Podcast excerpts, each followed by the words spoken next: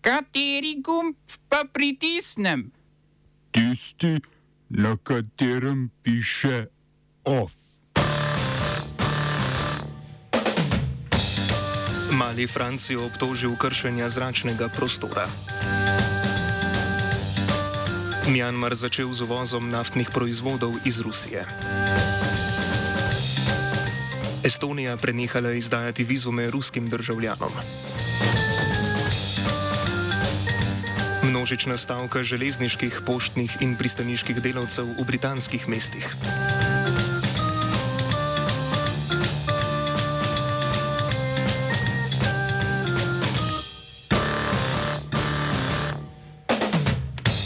Več deset tisoč britanskih poštnih, pristaniških in železniških delavcev je začelo stavko, ki bo trajala do sobote.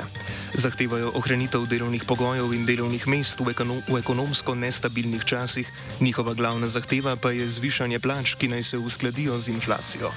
Vodja sindikata United Union Sharon Graham je napovedala nadaljevanje vseh potrebnih aktivnosti za ohranjanje izborjenih delovskih pravic in povdarila pomembnost sindikalnih bojev v časih, ko realna vrednost plač pada. Gre za največjo stavko v železničarskem sektorju v zadnjih 30 letih. Medletna inflacija funta pa je julija presegla 10 odstotkov, kar je največ v zadnjih 40 letih.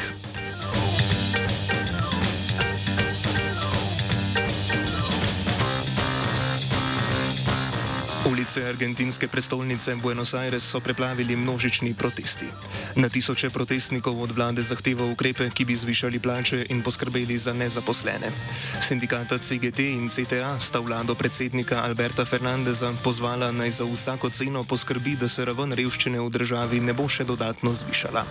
Letošnjega julija je medletna inflacija v Argentini dosegla 70 odstotkov. V revščini živi več kot 40 odstotkov prebivalstva.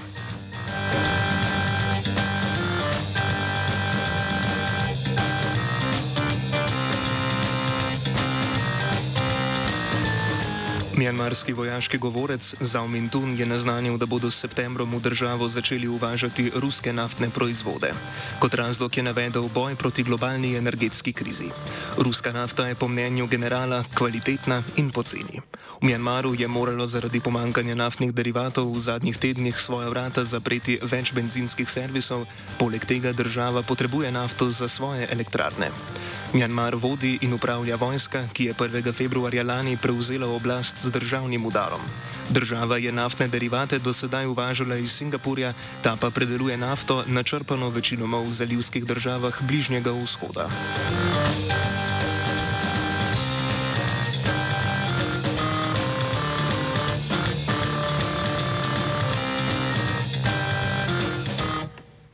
Združene države Amerike in Tajvan so dosegli soglasje glede trgovinskih pogajanj imenovanih Ameriško-Tajvanska pobuda za trgovino 21. stoletja.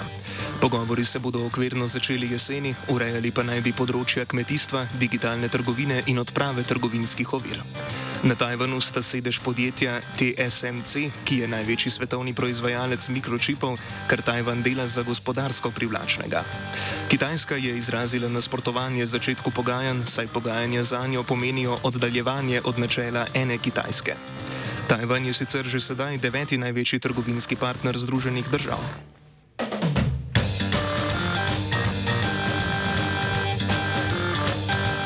Izraelske oblasti so zaprle vrata sedmih nevladnih organizacij, ki so se na Zahodnem bregu ukvarjale zlasti s humanitarno dejavnostjo. Med njimi so Zveza zdravstvenih odborov, Zveza odborov palestinskih žensk in Zveza odborov za kmetijsko delo. Izraelske sile so izvedle racije v pisarnah organizacij, ki so jih lanskega oktobra označile za teroristične, saj naj bi domnevno sodelovali z ljudsko fronto za osvoboditev Palestine. Izraelske oblasti so preiskale prostore organizacij in zasegle dokumente ter drugo imetje, delovanje organizacij pa razglasile kot nezakonito.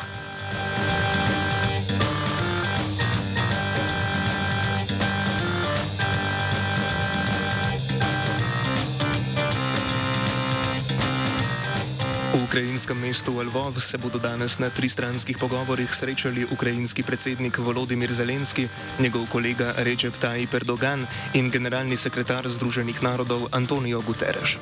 Glavna tema pogovorov naj bi bila razrešitev ukrajinsko-ruskega konflikta po diplomatskih poteh. Preučili naj bi izvajanje sporazuma o izvozu ukrajinskega žita po morskih poteh, ki je bil sklenjen julija. Med temami pogovorov pa bo tudi situacija v jedrski elektrarni v Zaporožju, ki je trenutno pod ruskim nadzorom.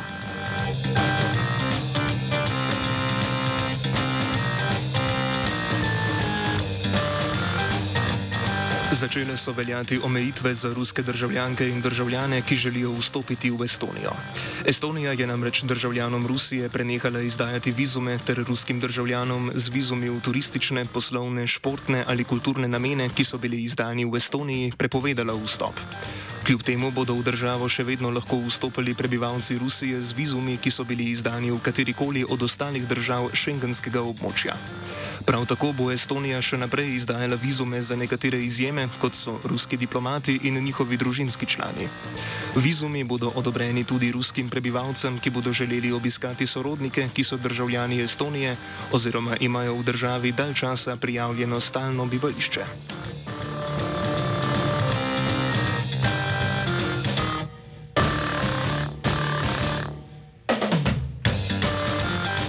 Je nekdanjo kolonialno silo Francijo obtožil preletavanja malijskega zračnega prostora in dostave orožja oboroženim skupinam. Malijski minister za zunanje zadeve Abdulaje Diop je v pismu Varnostnemu svetu Združenih narodov zatrdil, da je bil zračni prostor države kršen kar 50krat. Preleti naj bi bili izvedeni s francoskimi brezpilotnimi letali, vojaškimi helikopterji in bojnimi letali. Diop je v pismu zapisal, da je Francija prelete opravila z namenom zbiranja informacij o terorističnih skupinah, ki delujejo na območju Malija in jim dostavila orožje ter streljivo. Francija je sicer v ponedeljek zaključila z umikom vojaških sil iz nekdanje kolonije in s tem končala devetletno operacijo v Maliju.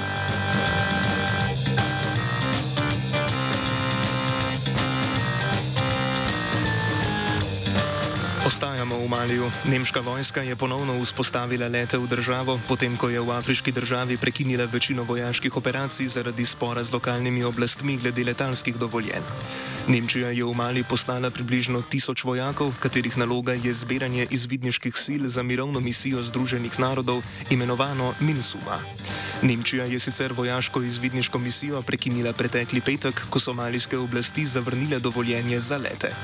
Minsuma je bila ustanovljena leta 2013 za podporo enotam v Maliju, ki se borijo proti islamističnim skrajnežem, a je v zadnjih mesecih med malijskimi oblastmi in misijo prišlo do napetosti. Mali sicer od leta 2020 vodi vojaška hunta.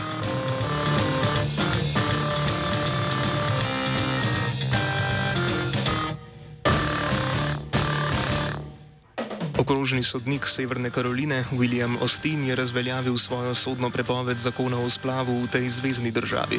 Ta odločitev omogoča, da začne veljati prepoved umetne prekinitve nosečnosti po preteku 20 tednov. Austin je maja 2019 izdal sodno prepoved, s katero je zakon o splavu v Severni Karolini razglasil za neustavnega. Odločitev je temeljila na precedenčnem primeru Roe proti Wade. Razmere je spremenila odločitev ameriškega vrhovnega sodišča, da sodbo v primeru Roe proti Wade razveljavi in s tem zvezdnim državam dovoli, da prosto urejajo postopke za prekinitev nosečnosti. Odločitev ni prizadela zgolj prebivalk Severne Karoline, pač pa tudi ženske iz zvezdnih držav na jugu Združenih držav, ki so zaradi omejevanja pravice do splava za opravljanje tega procesa prihajale v Severno Karolino.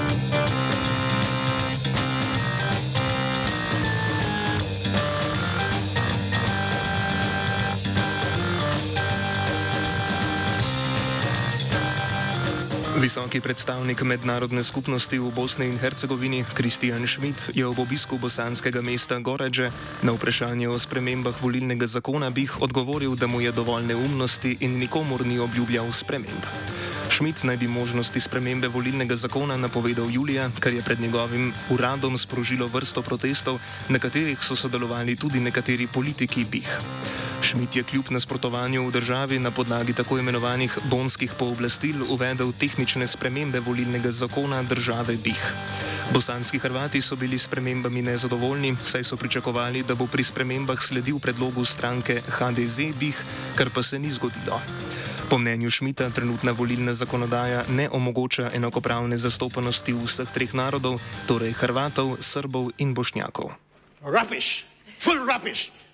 People, I'm not sitting and standing here, I'm caring for this country. This is a town where people have lost their lives. And we are not here just to make political games. And in this country, people make political games, not people, but the politicians.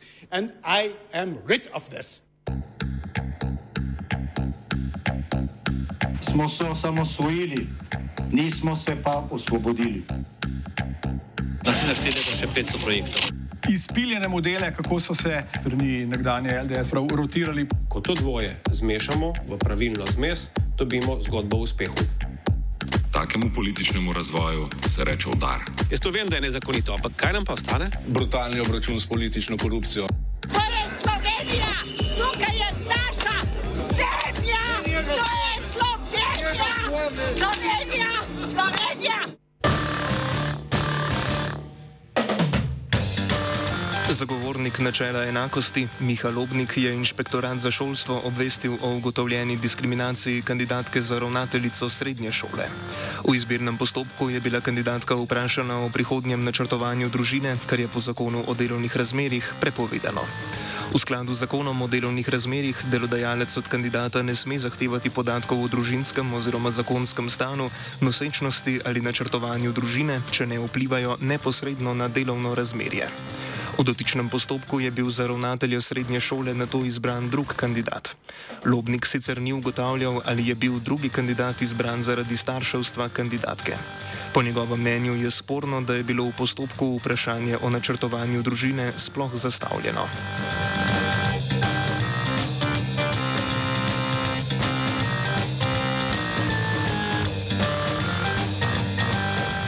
OF je pripravil vajenec Peter, mentorirala je Tija.